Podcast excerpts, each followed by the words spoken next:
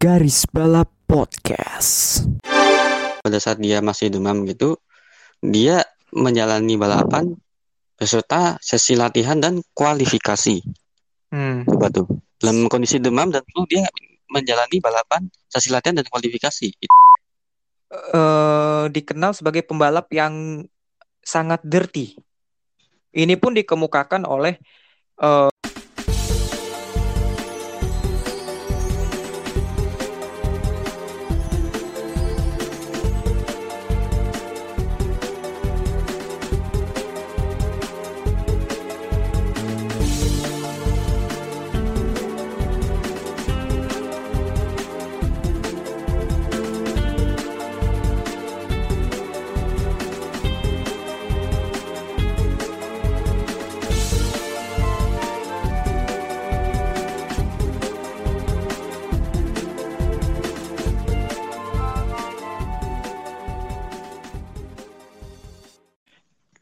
ya kembali lagi di garis balap bersama double test driver andalan Anda. Gua bagus, Gua ya go. mantap. Eh, ini episode ke-33 seperti yang sudah kami janjikan pada episode sebelumnya. Kita akan membahas soal em, yang dark-dark ya, Yok. Yoi. Yang Karena kan dark-dark. Nah, ini banyak banget ya, yang kasusnya Max sama Lewis, jadi kita angkat topik ini aja lah. Eh, ya kurang lebih seperti itu. Eh, soal apa? Soal cara-cara kotor yang dilakukan oleh para pembalap F1 terdahulu. Tapi sebelum ke sana, eh, kita kan sempat bahas juga kan pada episode sebelumnya. eh, Max Lewis ini apa namanya? Sempat bahas juga kan di episode sebelumnya sedikit-sedikit soal Max Lewis ini di Cops Corner betul, Inggris kemarin. betul, Nah, itu betul. tapi belum belum lengkap gitu loh. Iya, Kita di sini bahasnya ya di awal-awal kita bahas ini lengkap lah, semoga gitu loh. iya. Jadi Kita langsung aja. sini nggak nggak apa ya nggak bahas maksudnya kita sini cuman ingin apa ya ingin meluruskan aja lah gitu. Karena kan dari kedua kubu baik kubunya Max maupun kubunya Lewis juga sempat terlibat apa ya kayak ya bisa dibilang sih itu yang berlebihan sih. Misalnya dari kubunya Max menilai Reaksi bahwa Lewis reaksi yang apa berlebihan ya.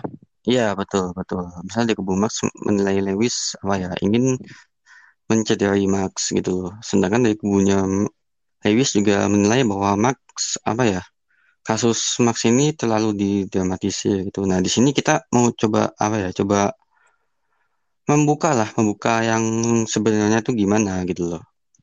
Ya kita intinya mau ngebahas secara apa ya dari berbagai perspektif ya.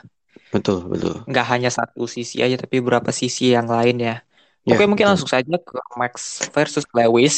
betul. Sebenarnya dari mungkin dari awal tahun ya, dari awal tahun ini udah sangat panas persaingan antara Max Verstappen dan Lewis Hamilton ini Betul. akan terjadi apalagi eh, Mercedes performanya tidak sesuperior musim lalu Betul betul dan Red Bull malah meningkat gitu loh.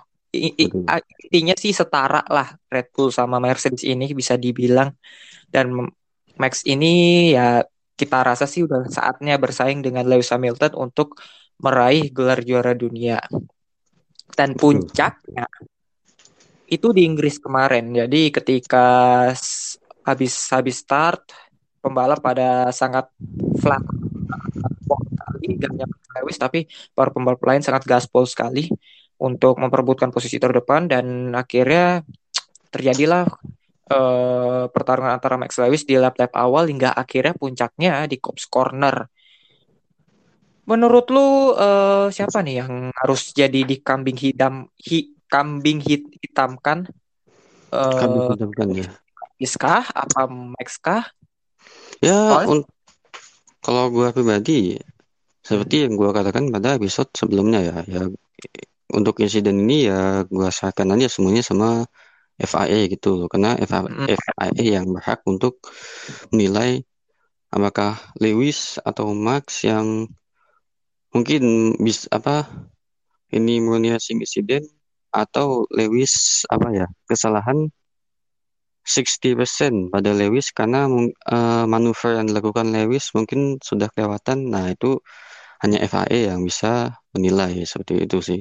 Cuman kalau hmm. gue ya dari gue sih pesen aja sih buat ke yang apa ya dari kubunya Max maupun kubunya Lewis.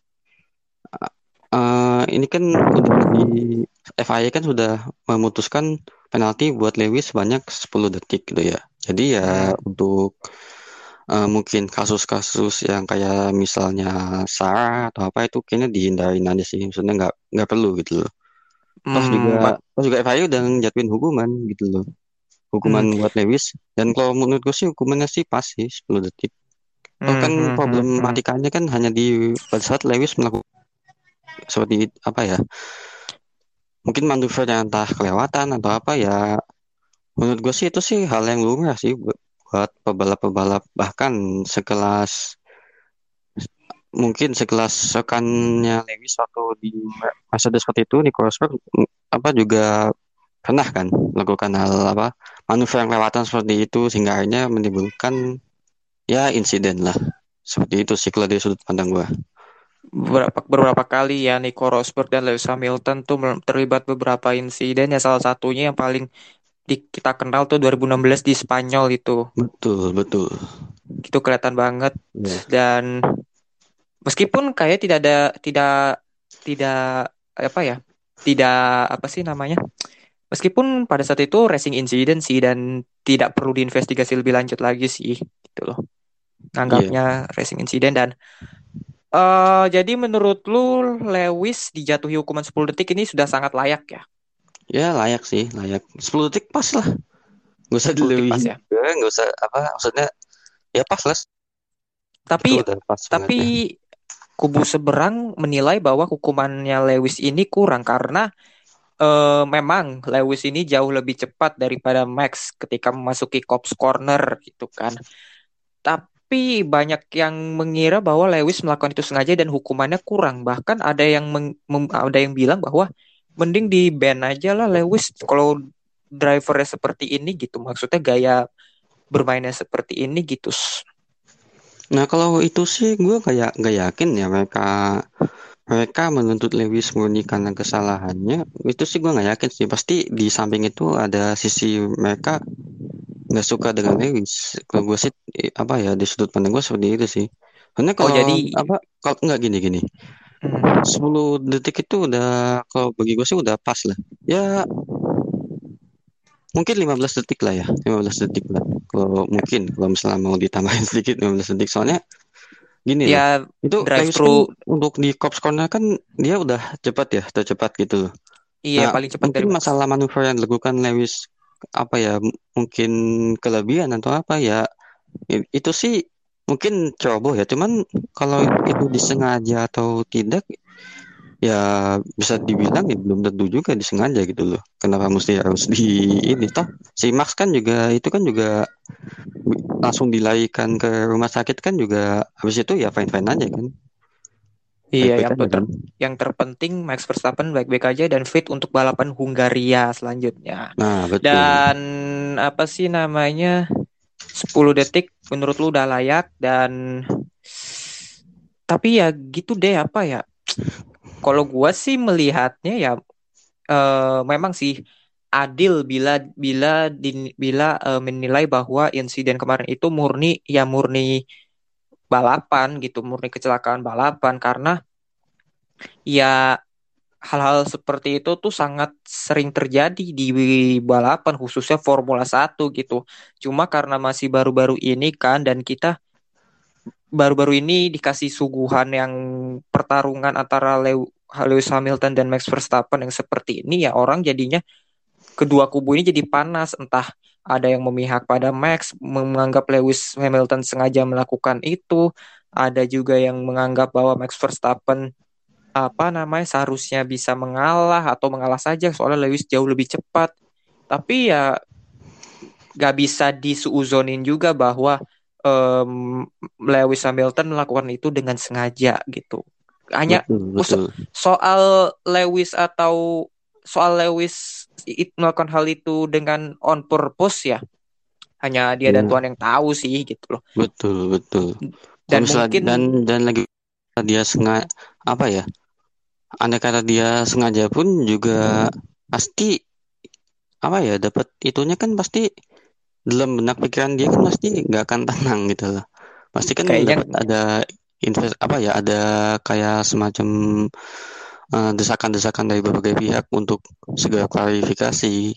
Pasti kan dia juga mikir ke situ juga dong. Benar nggak? Dia udah klarifikasi sih soal itu soal insidennya sama Max dan dia bersyukur Max baik-baik saja kan Nah, gitu di nah, akun Twitter nah. di ak- di akun sosmednya dia gitu loh. Nah udah, dan kan you ini selesai kan apa kan ya gitu kan. gitu kan selesai. Kayak selesai gitu. Meskipun ya eh, dari kubunya Max Verstappen ada rada-rada sakit hati juga sih karena Max Verstappen karena Lewis Hamilton eh, melakukan selebrasi kemenangannya di apa sih namanya di Inggris. Tapi menurut gue wajar sih karena pertama Lewis Hamilton tidak dikasih tahu bahwa Max Verstappen dilarikan ke rumah sakit. Ya ngapain gitu di pertengahan balapan dikasih tahu bahwa Max dilarikan ke rumah sakit gitu. Pokoknya pada saat periode red flag itu terjadi yang Lewis tahu sih ya Max Verstappen dilarikan ke medical centernya Silverstone belum sampai ke rumah sakit gitu pada saat periode red flag. Tapi kan pada saat dibawa ke rumah sakit si Max pada situ lagi pertengahan lomba ya kali Lewis dikasih tahu gitu. Eh Lewis ini Max ada Max apa eh, dilarikan ke rumah sakit kan nggak nggak nggak apa namanya nggak make sense juga gitu malah nanti jadi itu memecah fokusnya Lewis juga gitu Iya betul. dan juga Mungkin dikasih tahu mungkin maksud maksudnya kubunya Max mungkin pada saat Lewis melakukan hal seperti tadi itu, nah Max kan Hmm. dilarikan ke medical center. Nah mungkin maksudnya kubunya Lewis, ini si Max dilarikan medical center kok malah selebrasi. Nah mungkin maksud maksudnya seperti itu gitu loh. hah gimana gimana gimana gimana Gini gini maksudnya kan si Max apa si Max apa Max kan dilarikan ke medical center ya. Saat Iya. dengan Lewis. Nah mungkin Dia- maksudnya dia- dari kubunya Max itu si Max dilarikan udah tahu si Max dilarikan ke medical center. Lah si ke Lewis rumah sakit kenapa? Ya, nah si Lewis malah selebrasi. Nah mungkin dari kubunya Max mungkin menganggapnya kayak merayakan di atas penderitaan ya gitu ya Nah, kurang lebih seperti itu, seperti itu kurang lebih. dan Max Verstappen dan Max Verstappen juga berkoar-koar di sosmednya bahwa ya ini bener-bener disrespectful gua. Gua yang di rumah sakit diperiksa apakah ada cedera apa enggak. Setelah terkena benturan 51 G-force gitu kan. Iya, eh iya. Cukup apa cukup merasa ini gu- gua nggak dihormati nih sebagai rival lu selebrasi seperti itu. Tapi gua Nah, juga gitu, bisa gitu, benar. tapi gue juga bisa mengerti kenapa Lewis selebrasi karena Lewis butuh kemenangan ini untuk memperdekatkan poinnya ke Max Verstappen satu. Yang kedua ya bukan hal aneh lah Lewis Hamilton selebrasi kayak istilahnya juara dunia gitu di Inggris gitu. Hak dia kan itu rumah dia gitu loh. Nah iya, udah, udah gitu terus tuan rumah lagi kan ya. Kenapa Udah gitu terus apa dia juara terus di tempatnya dia sendiri gitu kan. Iya di rumahnya sendiri gitu. Jadi haknya Ah. dia dan ya udah gitu loh selebrasi kecuali kalau selebrasinya di selebrasi kayak gitu di Belanda Eh, gitu misalnya. misal di Belanda atau mungkin di tempat lain deh, misal di Hungaria atau di Azerbaijan atau di Singapura dan lain-lain. Mungkin itu dia akan dibuin sama penonton-penonton F1 karena itu tem- sifatnya net tempatnya netral gitu loh. Iya, iya. Kan ini enggak, ini lebih memihak ke Lewis gitu yang pasti Iya. ya dis- disorak-sorai lah, disorak-sorai bahagia lah pasti sama si penontonnya gitu. Apalagi sebagian Betul, besar betul. sebagian besar sebagian besar penonton di Le- di Silverstone ya pendukung Lewis gitu. Betul, betul. Dan juga apa ya? Gue sepakat sama lu soal penalti 10 detik tapi so kalau lu lebih menilai ke ya udah gue ikutin FIA deh gimana? Soalnya FIA yang memutuskan. Ya, nggak masalah betul. dengan itu. Nggak masalah dengan itu nggak masalah. Tapi kalau menurut gua sih point of view gua secara teknis ya pada saat start kan mobil-mobil nggak hanya mobil Lewis sih mobil Max mobil pembalap lain pasti bannya belum anget kan Betul, masih banget. dingin lah Iya. dan itu rentan banget sama namanya kalau misalnya ma- masuk ke tikungan itu rentan banget sama namanya lock up lock up atau understeer atau bisa jadi oversteer dan lain-lain lah pokoknya belum belum menemukan ritme balapnya lah Nah, pada saat Max pada saat Lewis Hamilton memasuki Cops Corner, dia tuh jauh dia sadar dia jauh lebih cepat dari Max Verstappen. Dia memasuki tikungan itu dan berniat untuk menyalip Max, tapi Max tetap bertahan. Dan ternyata bersenggolan.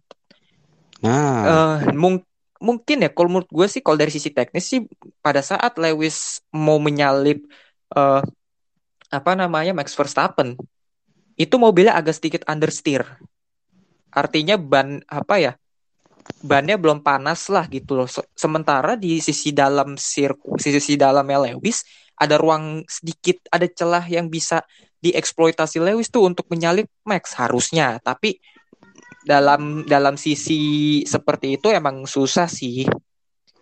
Susah emang top scorer ini emang emang emang emang tikungan yang sangat tricky untuk overtake gitu loh. Dan Lewis memutuskan untuk overtake eh, dan akhirnya Max menjadi korban gitu di situ. Dan juga sebelumnya kan juga udah ada beberapa ya insiden di Cops Corner itu sebelum insidennya Max Lewis.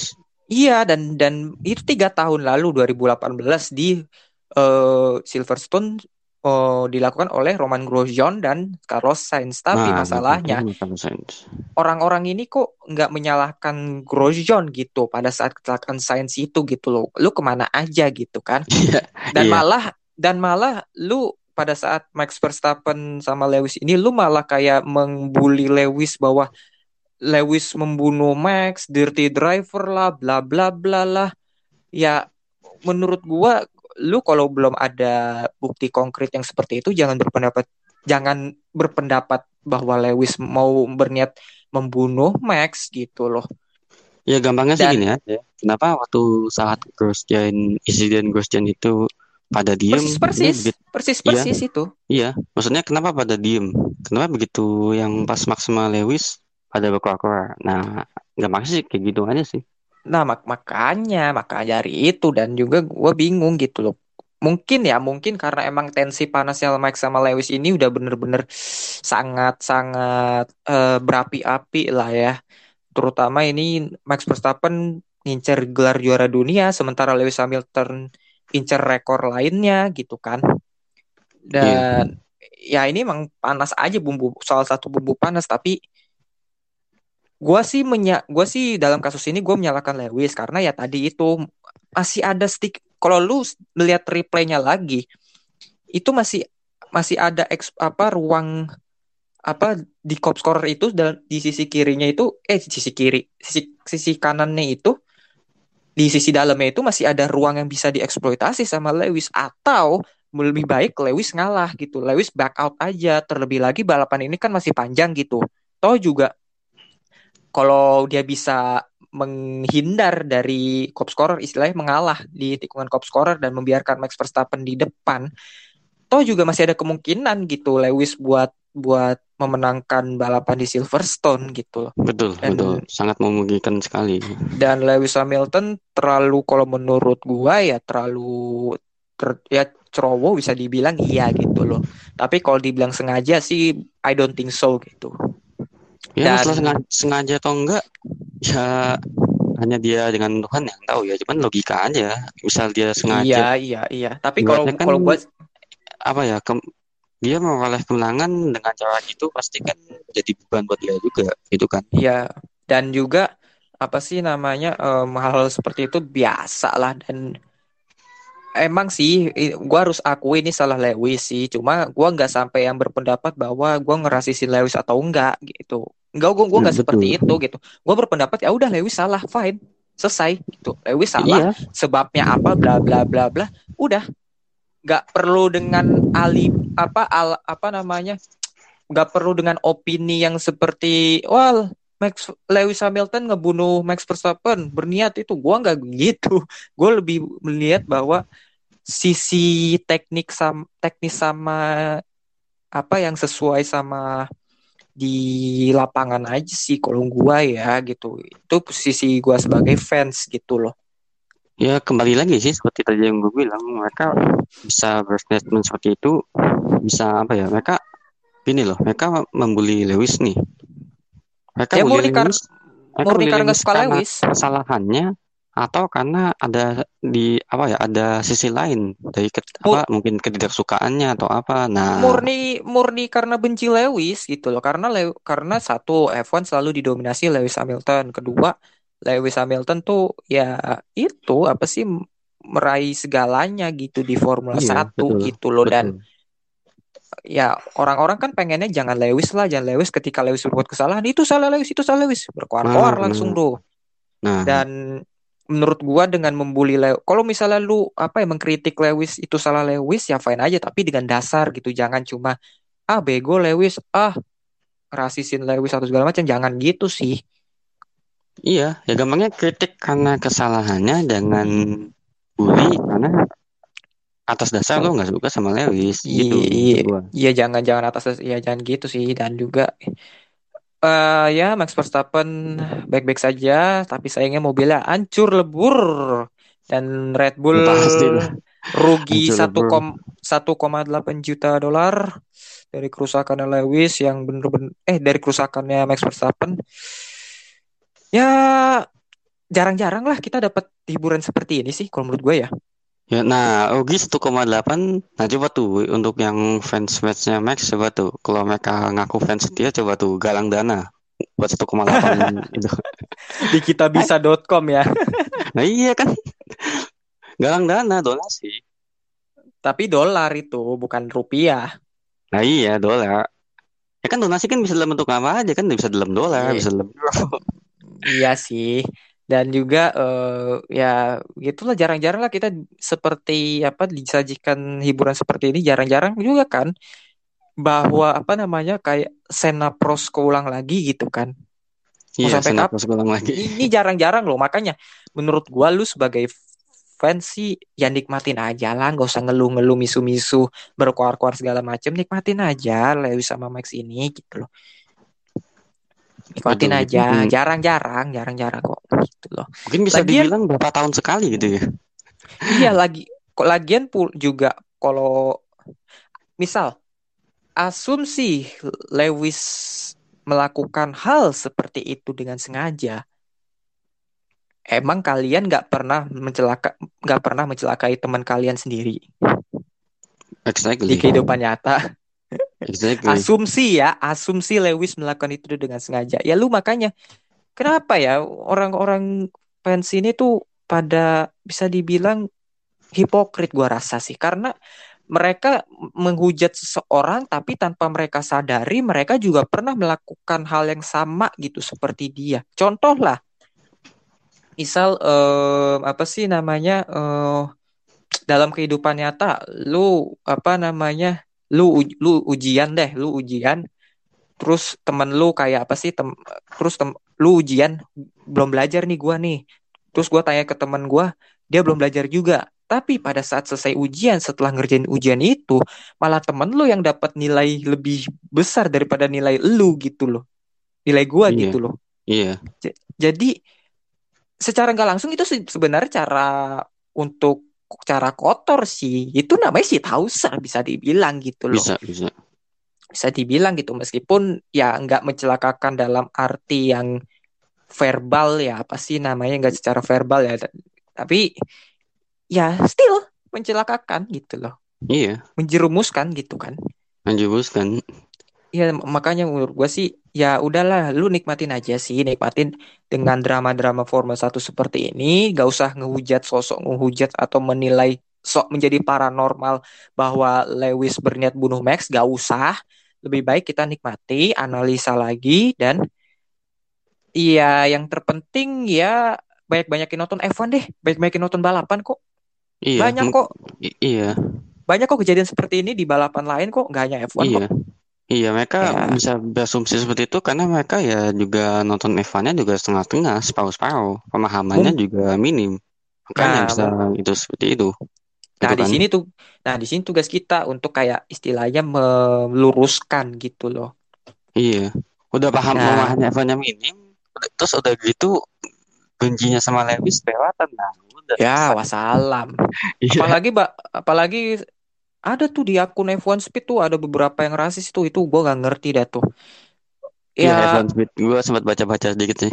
ya emang. jangan jangan lu sebagai manusia jangan seperti itulah ke Lewis gitu loh. Kalau lu emang merasa bahwa Lewis itu salah, ya udah sampaikan. Sampaikan analisa lu segala macem segala macem nggak tanpa harus lu bilang ngerasisin atau ngebully Lewis gitu loh. Tapi kan Ya, orang-orang ini kritik ya lah gampangnya itu Iya, iya gitu. Meskipun kita sebagai fans balap ya nggak bisa, nggak apa sih namanya, nggak nggak bisa apa sih merasakan apa yang dirasakan Lewis gitu di onboard mobilnya gitu. Tapi ya setidaknya lu menyampaikan pendapat, ya kan? iya kritik Dan nge- kritik Dan ngebully Sama- karena kritik dengan ngehujat tuh beda jatuhnya dan nge dan ngehujat, ngebully, ngerasis itu bukan kritik ya. Itu Iya, bukan kritik itu beberapa hal yang sangat berbeda dari kritik. Kalau kritik Iya. lu ada ada dasarnya, lu kenapa dia kenapa lu kritik dia? Oh, karena mungkin Mike oh, Lewis terlalu ceroboh nih ngambil keputusan di cops corner. Fine, itu pendapat gitu. Tapi setelahnya stop di situ, nggak usah bener-bener ke ranah pers- personal gitu loh. iya Sebenarnya kita kan di, salah gitu ya nah terlebih lagi kan ini diskusi kayak gini kan enak. Diskusi Betul, mengenai betul. soal Lewis, Max Verstappen kayak apa, tanpa betul harus memojokkan suatu pihak gitu kan. betul betul Meskipun ya jadi gue ulangi lagi ya gue berpendapat bahwa Lewis salah tapi tak perlulah bersuuzon bahwa Lewis punya niatan bunuh Max gitu aja sih ya cukup dengan Lewis salah kali ya udah Lewis salah ya untuk Nah. perkara Nah. yang rasis atau apa ya kesampingin nah ngomong-ngomong soal Max Lewis em, ya jelas lah itu cara yang bisa dibilang shithouser meskipun tidak disengaja. Betul Tapi betul. by the way soal Shithouser kita bahas ke kita bahas eh, beberapa Shithouser lainnya yang pernah terjadi di Formula 1. gue aja Ke- Jadi mungkin di dunia seputar motorsport ya kan di Lemas gitu Bisa, bisa, Apex juga bisa bisa, bisa, bisa. Meskipun ini ada yang tidak disengaja, ada yang sengaja, ya kembali lagi ke perspektif masing-masing sih menilai itu sengaja apa enggak. Tapi betul eh, tapi kita akan bahas ini dari mana awal mulanya Shithouser terjadi. Ya meskipun tidak tahu meskipun yang data yang kita akan kemukakan di sini nggak sepenuhnya valid juga, tapi ya kita kemukakan aja gitu kan. iya Sembari kal- sembari menambah pengetahuan kalian juga. Oke, langsung saja ke pembahasan yang pertama. Giuseppe atau Nino Farina ya Nino Farina ini terkenal tahun 50 terkenal dengan eh, World Champions World Champions pertama di Formula 1 tahun 50. Itu kan 50 tahun 1950 kan tahun pertama Formula 1. Nah, dia juara dunia pertamanya gitu loh. Juara dunia pertama Formula 1. Em, berasal dari Italia tentunya dan em, dan katanya ini dia terkenal bukan terkenal sih eh kayak lebih eh dikenal sebagai pembalap yang sangat dirty. Ini pun dikemukakan oleh eh, Sir Stirling Moss.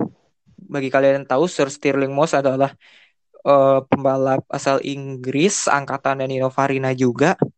Dia adalah pembalap yang sebagian F1 fans F1 setuju bahwa dia adalah pembalap terbaik yang tidak pernah juara dunia. Sir Betul. Stirling Moss Sir Stirling Moss ini berpendapat bahwa Giuseppe Farina ini eh, pada saat balapan ini kejadiannya sebelum sebelum perang dunia ya. Karena waktu itu Farina, Stirling Moss sama Juan Manuel Fangio dan lain-lain di angkatan 50 itu itu pernah membalap sebelum perang dunia eh, terjadi dan itu sebelum F1 lahir ya. Ya sebelum ada event ya masih apa tuh eventnya ya? Iya, benar, masih benar. balapan ya balapan lokal ya. Iya benar, balapan antar regional lah. Ya Jadi regional. gini, Sir Stirling Moss bersabda kala itu bahwa Giuseppe Farina ini eh, melakukan permainan yang kotor. Dan itu terjadi dan dia melakukan sebuah gerakan manuver yang sangat tidak perlu dengan pembalap bernama Laszlo Hartmann dan Marcel Lehoucq yang mengakibatkan pembalap lainnya meninggal. Entah ini di mana kecelakaannya tidak tidak tertulis di artikel uh, The Race ini tapi uh, Stirling Moss mengenang Farina tuh sebagai pembalap yang dia bisa jadi pembalap yang kotor gitu loh. Menurut lu gimana nih? Iya. Pembalap yang brutal berarti ya. Iya, iya, iya.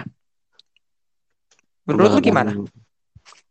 Menurut gue waktu itu apa ya waktu itu uh, belum ada apa ya seperti hukum kayak yang FIA yang seperti maksimal Lewis ya belum kar belum belum hukuman nah untuk belum ada yang Farina untuk kasus yang Farina emang agak berat sih. Hukumannya mungkin bisa di banned dari kompetisi itu kalau menurut gua ya.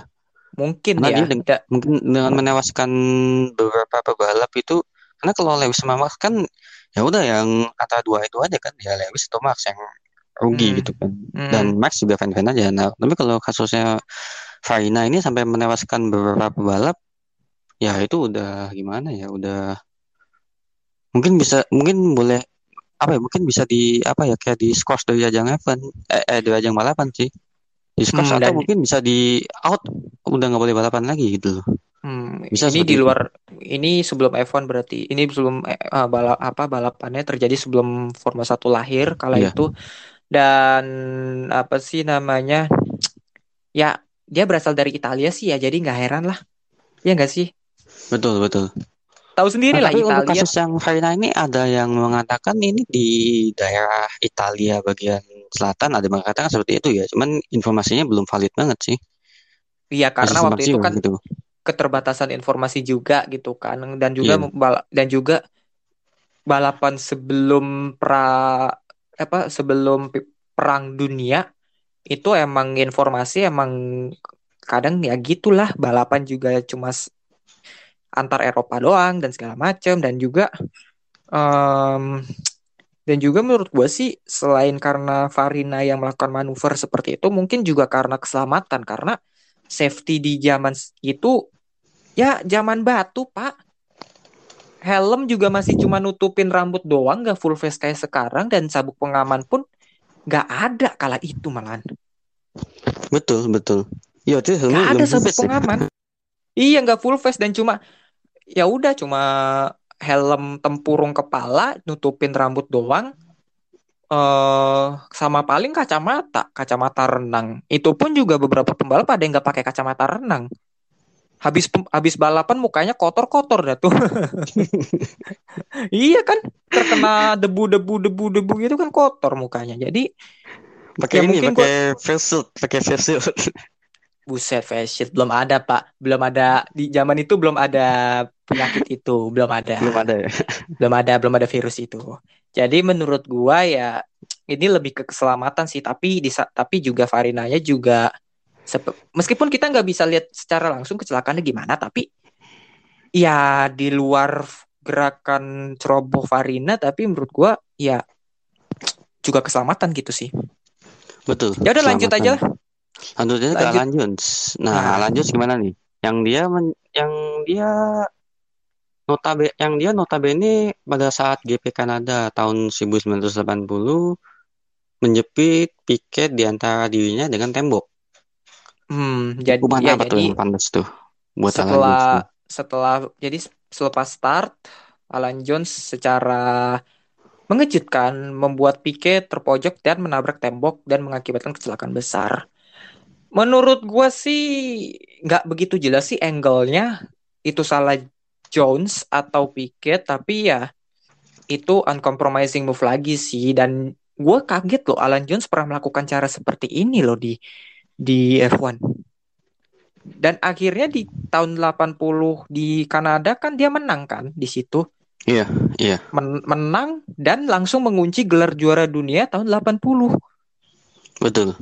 Dan juga waktu itu juga belum belum belum bisa menghakimi sih salah siapa mau itu Alan Jones atau Piquet yang salah tapi kalau lihat dari ininya sih lebih ke Jones sih meskipun angle-nya nggak begitu jelas ya kalau di di siaran tayangan tayangan ulangnya ya Soalnya yeah. gue juga sempat sempat lihat kan di YouTube ada gitu loh.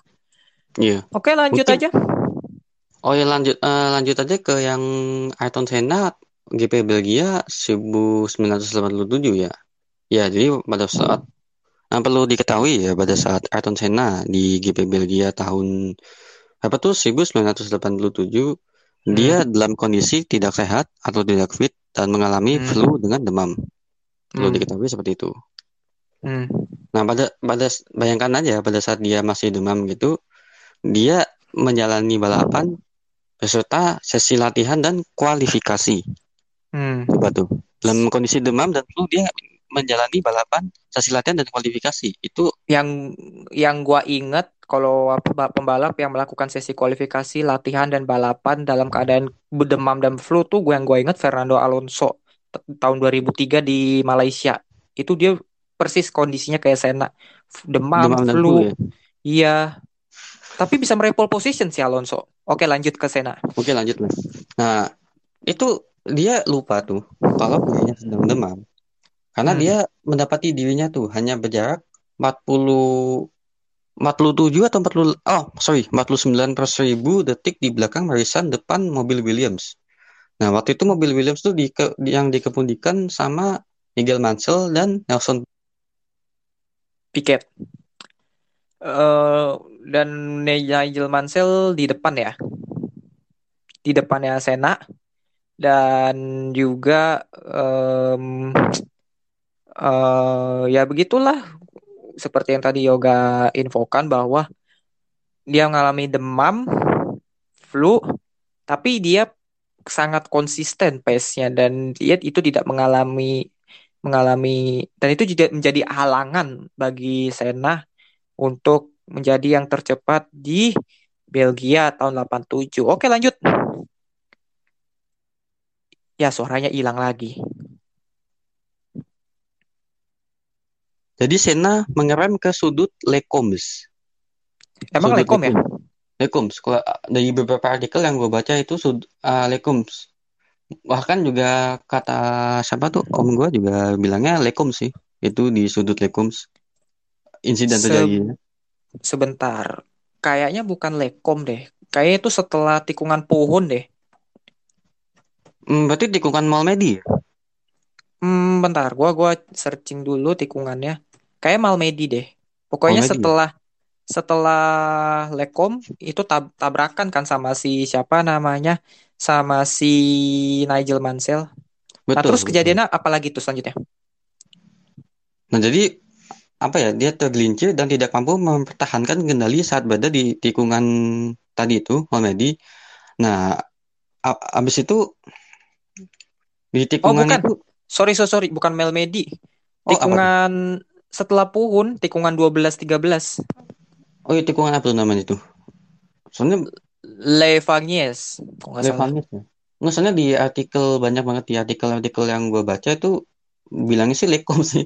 Dan gue nggak tahu Oh, pas itu Lekom semana, Malmedy di mana itu mungkin bisa nanti bisa dilihat lah, bisa di share lah Ya, ke ya, ya, ya. Lanjut, itu. lanjut, lanjut, lanjut. Nah, dia tergelincir nggak mampu mempertahankan kendali saat berada di tikungan tersebut. Hmm. Seperti itu. Nah, pada saat itu itu apa ya itu apa ya itu akhir balapan baginya ya pada saat itu. Hmm. Nah, terus Marcel juga. ya, nah terus abis itu Senna apa ya kayak berkata bahwa gini, mobil itu beraksi sangat aneh. Tiba-tiba Hmm. menjadi tidak terkendali. Sekarang saya Hmm. akan pulang untuk mencoba menyembuhkan flu ini. Senna berkata seperti itu Hmm. pada saat insiden terjadinya ter- apa ya terjadinya mobilnya tergelincir di tikungan tersebut seperti itu. Hmm. Hmm. Nah, Dan berarti dan berarti apa ya? Berarti menandakan bahwa pada saat tikungan tersebut Senna tidak dalam baik-baik saja gitu Iya dan ya dan juga bahkan sampai Mansell ngesatronin, ngesatronin Senna di garasi Lotus gitu. Iya nggak ada setan. Karena kala kala karena kala itu kan Senna masih di Lotus gitu kan dan Iya. masih pembalap yang bisa dibilang masih masih senior si Mansell sih. Jadi Mansell berani untuk datengin Senna, satronin langsung ke eh, datengin ke garasi Lotus. Assalamualaikum Senna. Dia kan Mungkin Mansell bilang gitu. Mungkin Mansell gitu. Assalamualaikum Senna. Mungkin ya lah lanjut deh. Waalaikumsalam. ya mungkin lanjut aja lah ke siapa tuh insidennya Alan Prost ya. Wah, ini Senna sama Prost ya. Nah, Senna sama Prost ini kayaknya rivalitas apa ya? Nah, Senna sebenarnya rivalitasnya banyak ya. Termasuk dengan pebalap ya yang kita tahu saat ini Schumacher juga jadi rivalitas Senna cuman nggak begitu rival dibanding dengan Senna sama Prost. Betul nggak? Malah malah malah Schumacher malah jadi rival Senna malah menjelang akhir hayatnya si Senna malahan. Iya. Nah, Harusnya tuh pertama di GP Estoril tahun 88. Gimana tuh Hmm. insidennya tuh? Estoril Salah tahun siapa? 8 Estoril tahun 88 jadi selepas start si Senna itu eh jadi selepas start si siapa namanya si Alan Prost berada di pole position. Terus kedua si Ayrton Senna lalu start berjalan dengan baik, Senna melakukan startnya dengan baik, Prost startnya tidak begitu bagus. Lalu pada saat memasuki lap lap kedua si Prost berusaha untuk mengambil alih pimpinan balapan dari Senna. Eh, taunya pada saat pada pada saat di lurusan lurusan melintasi garis start finish itu Senna eh itu Prost dihimpit sama Senna dari sisi dalam. Pada saat itu Prost mau ngambil mau ngambil ambil alih pimpinan dari Senna, tapi dihimpit sama Senna. Oh, berarti kayak dihalang-halangi gitu ya? Iya dihimpit ke tembok pit dan pastinya itu sangat high speed sekali dan sangat berbahaya tapi eh bersyukurlah si Prost bisa keluar dari himpitan Senna itu. Setelahnya setelah balapan ya Prost langsung ngesatronin Senna nih apaan nih lu melakukan gerakan seperti itu lu itu bahaya gitu loh dan Betul, sangat betul. ma- dan dan sangat marah sih Alan Prost kala itu. Terus juga pada San Marino tahun 89 itu pada saat itu si siapa namanya Senna start dari pole position kedua Prost I- i- ibaratnya Portugal 88 ini muncul percikan. Tapi Iya. pada saat tahun San Marino 89 itu mulai apinya kecil. Api kecil api kecil api kecil api kecil. Api kecil men- menjelang sedang San Marino tahun 89 pada saat itu kedua pembalap eh, sudah ada perjanjian ya di antara mereka baik Senna maupun Prost mereka melakukan perjanjian yaitu kalau ada kalau ada pembalap yang di antara mereka ada yang berhasil melintasi tikungan pertama lebih dulu yaitu Tamburello maka pembalap tersebut ya tidak boleh tidak boleh mengambil tidak boleh eh, kasarnya nggak boleh mengovertake lah kasarnya gitu Oh, berarti taruhannya di tikungan Tamburello ini ya? Taruhannya di situ ya? enggak jadi gini eh jadi lap pertama Senna Iya. startnya bagus start Senna di Iya. depan kedua Prost Iya. Senna Senna berjal Senna mimpin balapan dan nah Senna udah mendahului Prost nih di tikungan satu jadi Prost karena perjanjian itu Prost tidak boleh menyalip Senna jadi jadi pembalap di de- pembalap di depan si Senna ini eh i- apa namanya jadi Prost mendukung Senna di depan gitu. Kas kasarnya gitulah gitu loh. Nah tapi pada saat pada lap ke empat ge- kecelakaan Gerhard Berger di tikungan Tamburello red flag dan akhirnya harus restart. Eh pada saat itu si Senna ber- masih memimpin balapan lalu eh Prost menjalani startnya dengan baik dan Prost berhasil mendahului Senna Betul. mendahului Senna terus melintasi tikungan satu nah di tikungan berikutnya Senna malah yang kan harusnya sih Senna nggak per nggak usah apa di perjanjiannya jangan overtake Prost ya kalau Prost sudah di Iya. depan menuju tikungan satu nah ini Iya. di disalip sama Senna Mm-mm. istilahnya melanggar perjanjian itu gitu loh Oh, Tap- iya, iya, iya. Tap, nah ini yang buat Prost geram dan Prost sendiri malah dimarahin sama McLaren gitu yang kayaknya lebih memihak ke Senna gitu. Iya, betul, betul. Jadi mulai nih internal tim McLaren mulai tidak sehat sejak saat itu dan malah makin memperkuat bagi Prost untuk bergabung ke Scuderia Ferrari tahun 90 tahun tahun selanjutnya. Lalu puncaknya di tahun 89 di Jepang Di Jepang ya? eh iya tahun tahun 89 eh Senna dan Prost ya kalian udah tahu lah kecelakaan seperti apa. Mobilnya saya mobilnya apa menjelang Chicken terakhir Prost Iya. eh Senna Senna mem- apa eh, masuk ke sisi dalamnya Prost tapi Prost menghalangi dan akhirnya terjadi insiden. Eh setelah itu malah setelah itu mobil diperbaiki, Senna bukan mobil diperbaiki, mobil di mobil Prost disingkirin, Senna lanjut dan Senna berhasil memenangkan balapan sejatinya. Sejatinya dia memenangkan balapan tapi sayangnya dia didiskualifikasi. Karena Kenapa jadi diskualifikasi? karena pada saat apa tuh pada saat dia mau recover di- dia memotong siken Oh, kan kecelakaannya iya. di siken kan di siken Iya. terus Iya. mobilnya Prost disingkirin mobilnya Senna daripada dia mundur ke belakang apa ngambil jalan ngambil ngambil apa ngambil jalan di track lebih baik dia motong siken soalnya kenapa ya bahaya lah kalau dia mundur terus ada pembalap lain nanti malah pembalap lainnya yang ken- kena kecelakaan gitu loh Kena gitu jadi ya. makanya dia dia memutuskan untuk motong chicken gitu loh. Nah ini nggak adil betul. buat buat Senna yang menuduh bahwa FIA presiden FIA kala itu John Mary Ballister menguntungkan Prost gitu dan Betul, akhirnya betul. ini Prost malah jadi juara dunia tahun 89 gitu loh. Betul, betul. Dan akhirnya eh, harusnya mengajukan McLaren mengajukan banding yang membela Senna tentunya McLaren ini dan me- harus membayar dan Senna harus membayar 100 ribu dolar Amerika Serikat dan skors 6 bulan. Berarti skor 6 bulan itu selama 6 bulan tidak mengikuti ajang balapan apa pun ya? Iya. Dan Oke. pokoknya nggak tahu sih skorsnya berupa apa ya. Gue juga nggak begitu ini sih. Tapi itu ini api udah mulai berkorbar sangat sangat gede di McLaren dan akhirnya puncaknya lagi tahun 90 di GP Jepang. Pada ya seperti yang kalian tahu lah udah pas udah pasti kalian udah pasti tahu lah fans F1 lah Senna mm, apa kecelakaan di bersama Prost lagi kali ini di tikungan satu selepas start. Tapi menurut lu yang tahun 90 itu sengaja nggak sih menurut lu si Senna? Kayaknya ada ada unsur kesengajaan sih.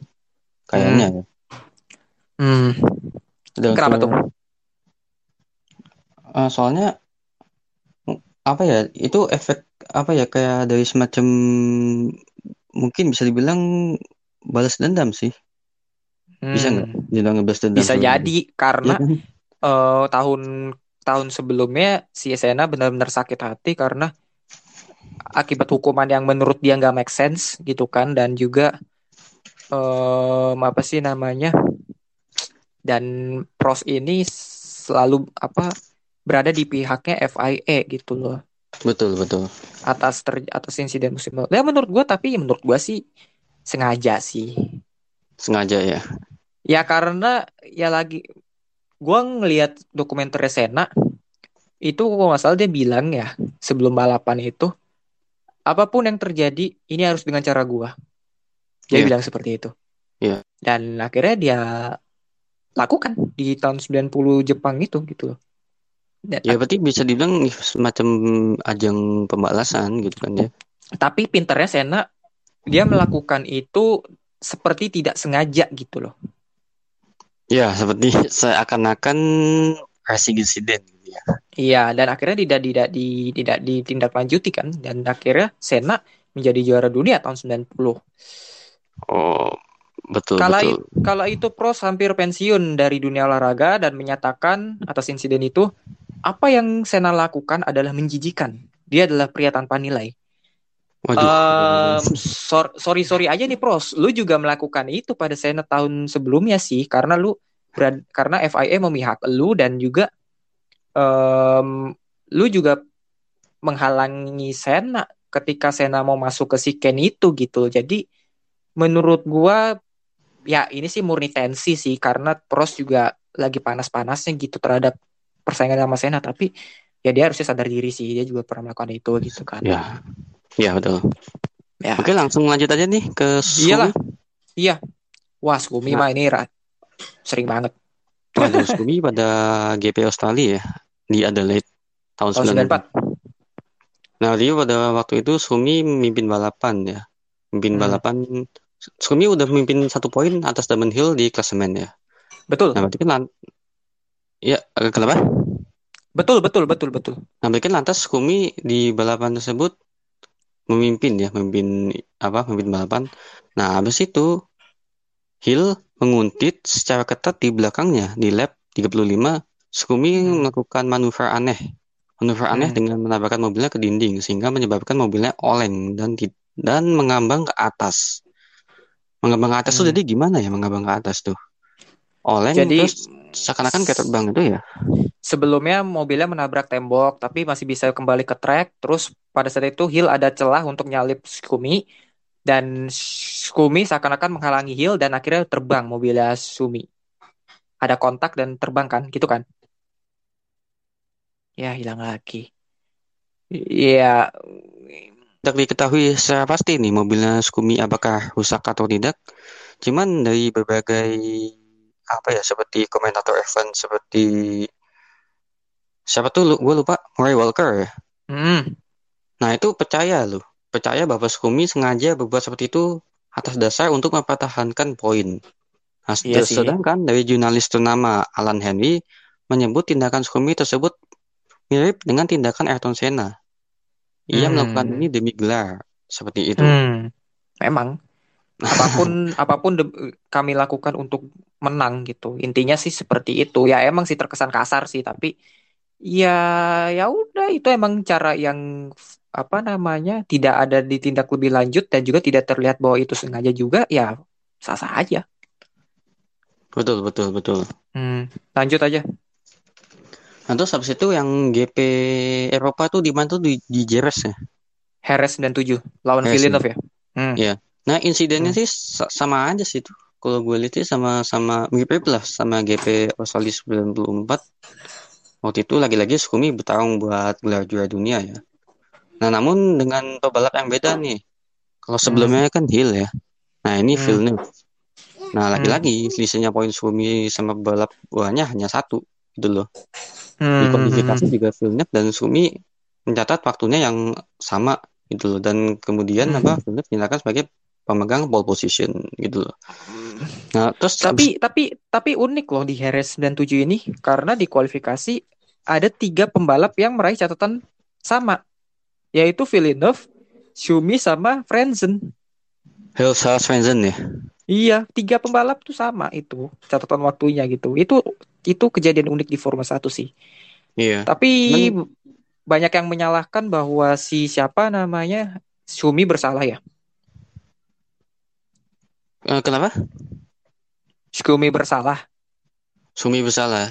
Iya. Hmm, Iya. apa jadi pada saat apa balapan berjalan tuh si siapa Villeneuve sempat geram tuh sama salah satu pebalapnya Sauber yaitu Fontana ya menghalang-halanginya. Sebelumnya Hmm. bisa latihan bisa si latihan bebas juga si Gi- Gianto tuh dicurigai setelah mendatangi garasi Sauber yang saat itu memakai mesin pasukan Ferrari gitu loh. Hmm, Gitu kan. jadi aduh suaranya hancur-hancuran. Tapi gini sih eh eh, apa sih? Gua menjelas memperjelas aja. Jadi eh, pada saat sesi latihan maupun kualifikasi ya sempat ada dugaan bahwa Norberto Fontana pembalap Sauber menghalang-halangi Villeneuve atau Villeneuve, pembalap iya. Williams untuk eh, membantu Schumacher meraih gelar juara dunia karena waktu itu Sauber masih bermesin Ferrari kan gitu Iya betul Ferrari. Mesin Ferrari dan itu juga ditengarai juga John Todt ketahuan memasuki garasi ke, ke garasi Sauber kayak apa sih namanya meminta tolong agar Roberto Fontana menghalangi Villeneuve gitu. Tapi sayangnya cara semua itu gagal karena Schumacher retired dan pada saat kecelakaan itu terjadi si Villeneuve tapi menurut tuh Schumacher salah nggak sih? Yang dia retired itu ya. Iya. Nah gini soalnya kan dia ada peran dari Roberto ah, siapa tuh Fontana ya. Enggak, enggak, enggak, enggak. Soal soal soal insiden ini langsung aja salah apa enggak? Oh selanjutnya ini Eh, salah Hmm. salah salah. Mutlak, Salah. Kar- karena menutup jalan Villeneuve ya, Betul betul. secara tiba-tiba. Betul betul. Oke. Villeneuve, ya. Oh ya ya ya. Ini Nah, istilahnya yang di- kasus yang sama dia dengan Fontana itu juga nggak bisa di itu juga gitu loh maksudnya nggak bisa di apa sih nggak bisa dinilai nggak bisa dikesampingkan juga soalnya dia dengan bantuan orang dalam kan gampangnya gitu kan pakai pakai Orang dua dalam kaki ya. gampang. ya pakai dua kaki gitu gitu kan ya ya ya ya dan dan juga em, apa sih namanya? Tapi kan yang diingat orang kan Villeneuve ini kan gitu loh. Ya langsung aja ke Iya. Monaco. Em, gimana nih Monaco nih untuk kasusnya nih si Skumi hmm, kalau gua bilang sih ya salah sih Gua- gua Salah kenapa? Jelaskan kronologinya. Nah, soalnya waktu ah, gua agak-agak lupa sih itu kronologi apa maksudnya bukan nggak lupa saya nggak nonton full ya kronologinya gimana Hmm. cuman pada saat itu gua, itu insiden sama siapa lupa tuh gua tuh Skumi Nggak ada insiden apa-apa. ah bukan bukan apa Dia ya bukan bukan He doing he doing that thing on his own. Dia melakukan tindakan itu dengan sendirinya. Hah, hah. Ya udah. Jadi salah apa enggak sih? So- soal Monaco 2006 kualifikasi kan ini kasusnya. Shumi di tengah apa diketahui sengaja memberhentikan diri di tikungan Raskas. Nah, ini juga si ini ju- ini juga apa sih namanya? Mem- apa sih namanya? merugikan Fernando Alonso karena Alonso tidak bisa mencatatkan waktunya. Karena waktu itu langsung red flag gitu. Langsung red flag dan Alonso marah-marah tapi emang kala itu emang si Shumi langsung dijatuhi hukuman 20 detik. Eh 20 detik, sorry. Dijatuhi hukuman turun grid paling akhir. Ya, hilang lagi. Jadi ya seperti itu sih. Gitu apa git ya kayak semacam apa sih bisa dibilang kayak skorsing bukan sih kalau apa ya seperti itu tuh Ya denda lah pokoknya denda ya Tur- turun turun grid paling akhir Hmm, di Monaco. oh ya betul betul nah, nah by the way apa by the way soal Skumi nih by the way soal Skumi dia waktu tahun GP Brasil tahun 95 juga pernah loh pernah melakukan hal apa kayak semacam shit toaster dia waktu itu tertangkap di diskualifikasi Skumi Hmm. sama David Coulthard didiskualifikasi dari tim Hmm. Williams karena pakai bahan bakar ilegal Mm-mm. seperti itu di GP Brasil. Hmm. Tapi kalau nggak salah dibatalin ya? Enggak.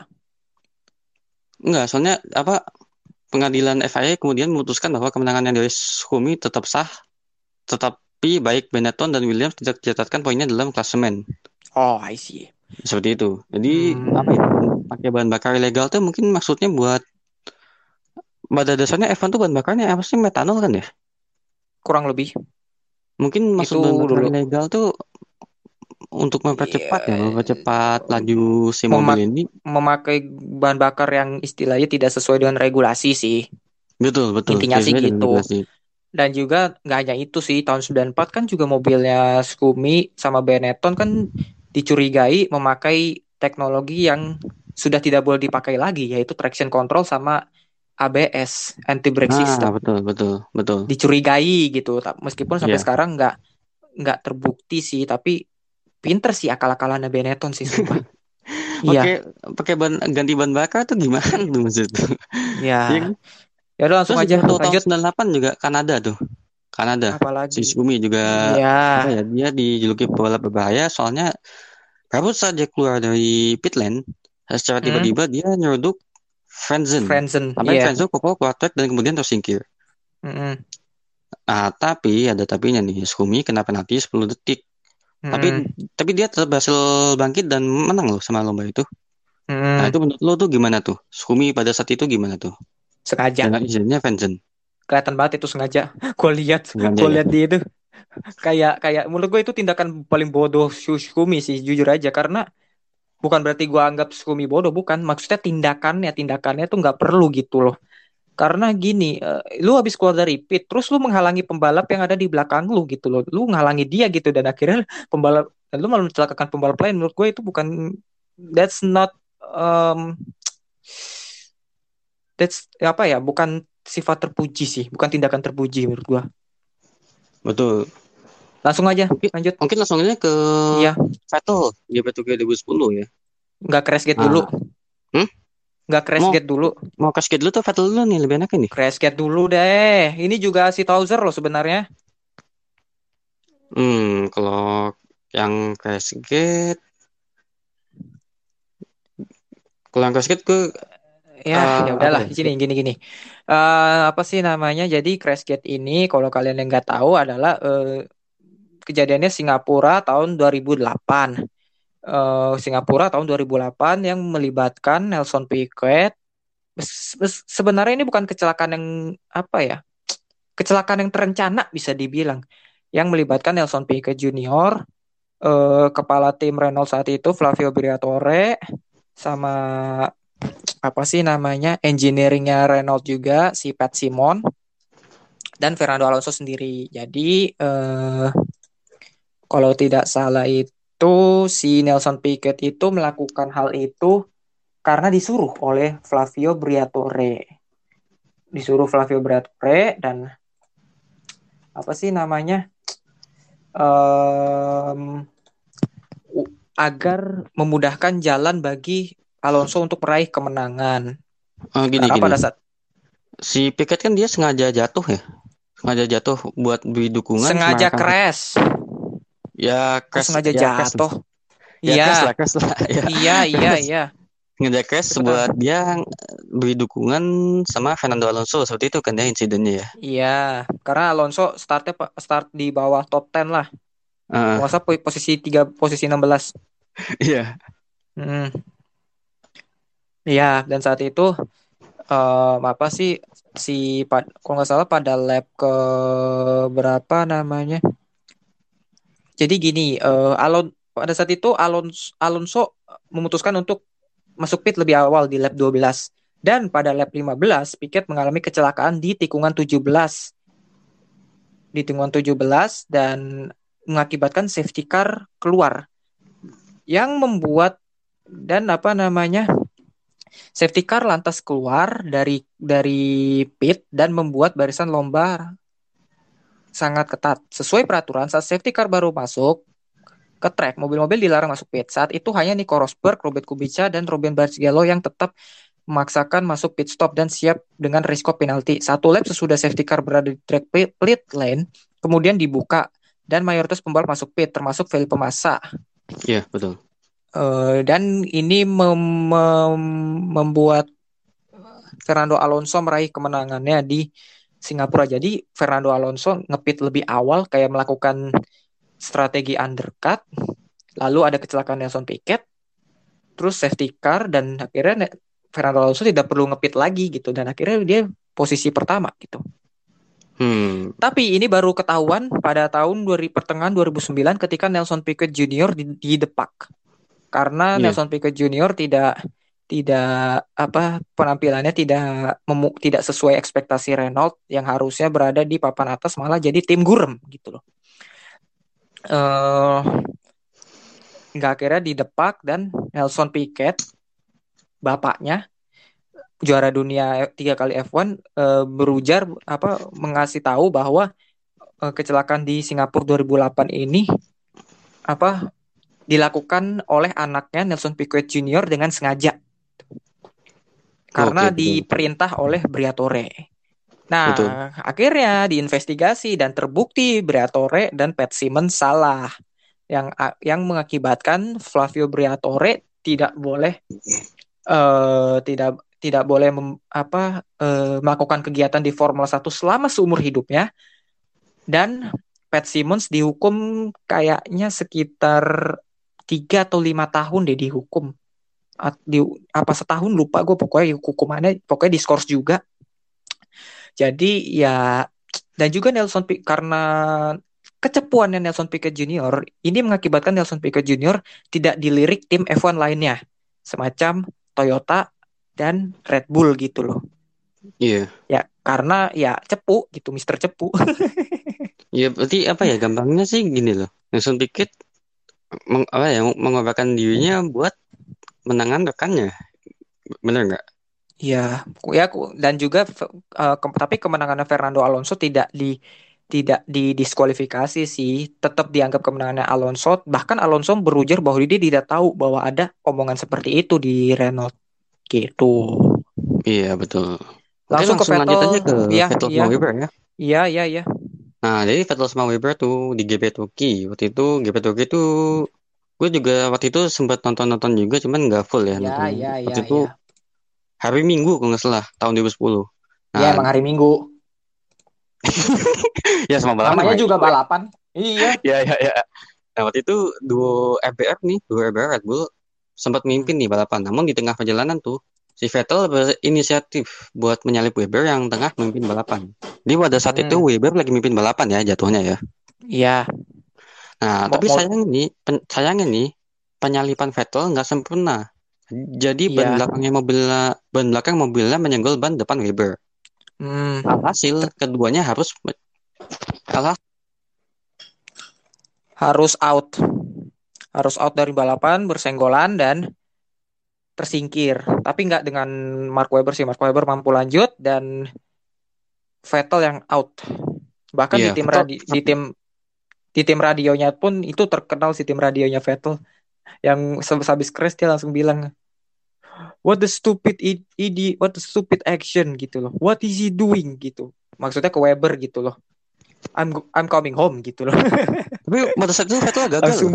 Vettel gagal loh pada saat itu pada saat balapan GP Turki itu sedangkan Weber beruntung di tiga posisi ketiga gitu loh. Iya, kan gue bilang tadi out. Vettel out dan Weber masih bisa melanjutkan gitu loh. Dan akhirnya Vettel marah-marah ngamuk-ngamuk di tim radio dan akhirnya dia memutuskan untuk balik aja nggak mau dan memutuskan untuk balik apa eh, ke paddock dan mau balik mau balik aja lah gue mau bawa ke rumah aja dah gue gitu loh. Seperti itu. Udah lanjut Gitu, lagi. betul. Tapi menurut gue itu salah Vettel sih. Setelah Vettel kenapa tuh? Uh, uh, Terlihat manuver terlihat dia melakukan manuver ke Weber. Terlihat banget Man- itu. manuver ke Weber apa ya bisa dibilang manuver yang ceroboh gitu ya. Iya, itu Weber juga udah jelas-jelas nutup sih, tapi Weber tapi Vettel malah maksa kesannya. Betul betul. Nah terus nah ini ajang di luar F1 nih Mm-mm.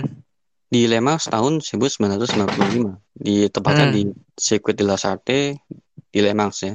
Hmm, singkat saja. Nah motif uh, kecelakaannya gini dimulai ketika pebalap Jaguar tuh Mike Houghton berhenti di sisi kanan track pebalap depannya siapa tuh Lance McLean ya Iya, Lance McLean iya. Nah, dan mulai melakukan pengereman untuk pinnya berhenti. Nah, Hmm. McLean belok keluar nih dari belakang Jaguar yang Hmm. melambat ke, ja- ke apa tuh jalur left range, left left le- Hmm, ya itulah, itulah. Leve. Mm-mm.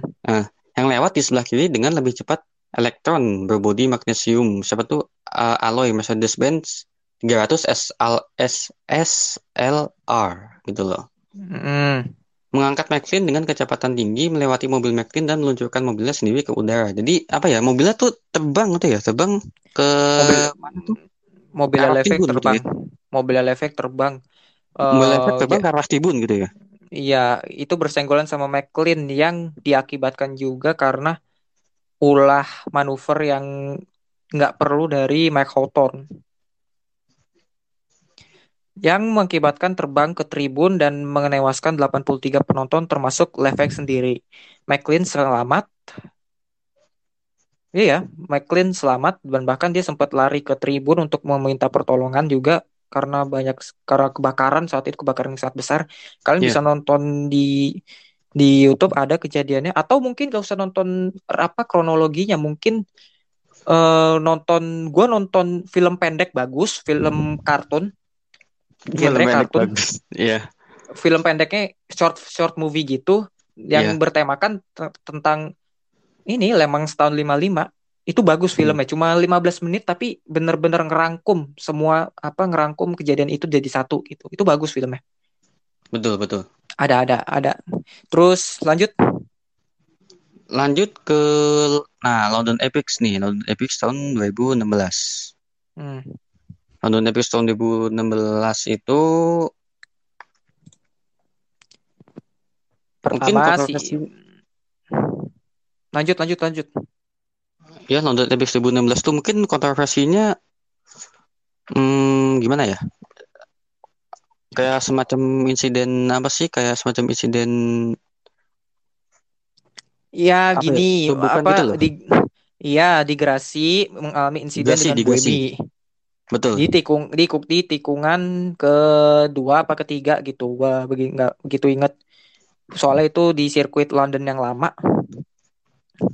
Eh, terus em, pada saat itu emang perebutan gelar juara ya, Lucas Di Grassi sama Sebastian Buemi. Betul. Ini betul. ini ini mirip-mirip Senna Prost sih. Senna sama Di Grassi dari Brazil, Buemi dari Swiss yang berbahasa Prancis dan Alan Prost dari Prancis. Iya, Tapi ini betul. versi Formula E-nya kurang lebih gitu.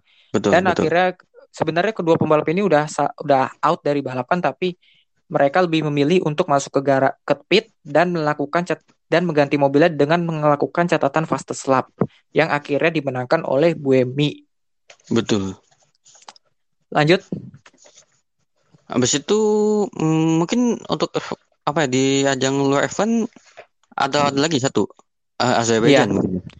GP2 Azerbaijan GP2 Azerbaijan Azerbaijan. 2016. Azerbaijan. Itu pada saat itu si Matsushita melakukan tindakan yang nyeleneh. Pada saat itu dia terlalu tancap gas pada saat safety car belum masuk ke pit dan dia melihat sendiri waduh ada safety car pada saat setelah safety car pada saat itu kan sebelumnya ada kecelakaan. Nah, pada saat Iya. safety car safety car masuk ke pit dia malah malah malah tancap gas, tapi dia melihat bahwa safety car belum sepenuhnya masuk pit. Nah, terus baru udah dia kayak mem- memelankan mobilnya dan terjadilah tuh insiden di belakang dan akhirnya bun apa runtut ke tikungan satu. Nah, pada saat selanjutnya safety car yang kedua Ma- Matsushita melakukan Matsushita melakukan manuver yang sama nih. Melakukan manuver yang sama dan akhirnya eh, mengakibatkan dan dan pembalap di belakangnya salah satunya Rafael Marcello melakukan manuver yang bisa dibilang kamikaze dan menghantam Matsushita. Dan dua-duanya out. Tapi sebelum Matsushita juga ada insiden ya sebelum insiden itu kayak apa tuh sayapnya tuh kenapa gitu loh? Kalau nggak salah Nggak. ya yang gua itu. N- Nggak ada sih. Dia di depan kok Matsushita paling depan. Dia yang bikin kecelakaannya sendiri kok. Oh Nggak iya dia ada. paling depan berarti. Nggak ada, nggak ada, nggak ada. Nggak ada ya? Pada race nggak ada. Race 2 itu. Ya, ya mungkin itu aja sih ya. Udah mungkin udah satu jam 11 menit. Ini harus ditutup mungkin. Biar yang denger gak kelamaan juga. Walaupun sebenarnya Nah, masih jadi- banyak lagi ya apa ya kayak situs-situs yang lainnya di luar F1 tuh kayak mungkin lihat Iya, Racing, salah satu salah salah satunya inilah pokoknya yang kita yang kita kenal lah gitu loh. Ya, kita stop di sini aja dan eh sebenarnya sih intinya sih ya beberapa balapan sih masih banyak sih kejadian yang shithouser ataupun dark art seperti itu di balap dunia balap ya. Jadi ya cuman ya kalau saya kita yang jabarkan satu-satu bisa panjang ini sih nah, dan yang bisa seperti makan gue dua episode gitu kan dan yang seperti gue bilang, lu harus banyak-banyakin nonton balapan biar lu membiasakan bahwa ya itu memang terjadi murni di balapan gitu. iya Ya gitu. Ya udah mungkin dari aja itu gua udah udah panjang banget nanti langsung di-upload. Ya itu mungkin itu aja dari gua, gua bagus. gua Yogo Jangan lupa follow eh, Twitter garis balap, IG sama Spotify dan juga masuk ke Discord uh, garis balap gratis di situ. Itu aja mungkin dari gua dan Yogo. Sampai jumpa di episode garis balap berikutnya. Salam Motorsport Indonesia. Salam Motorsport Indonesia.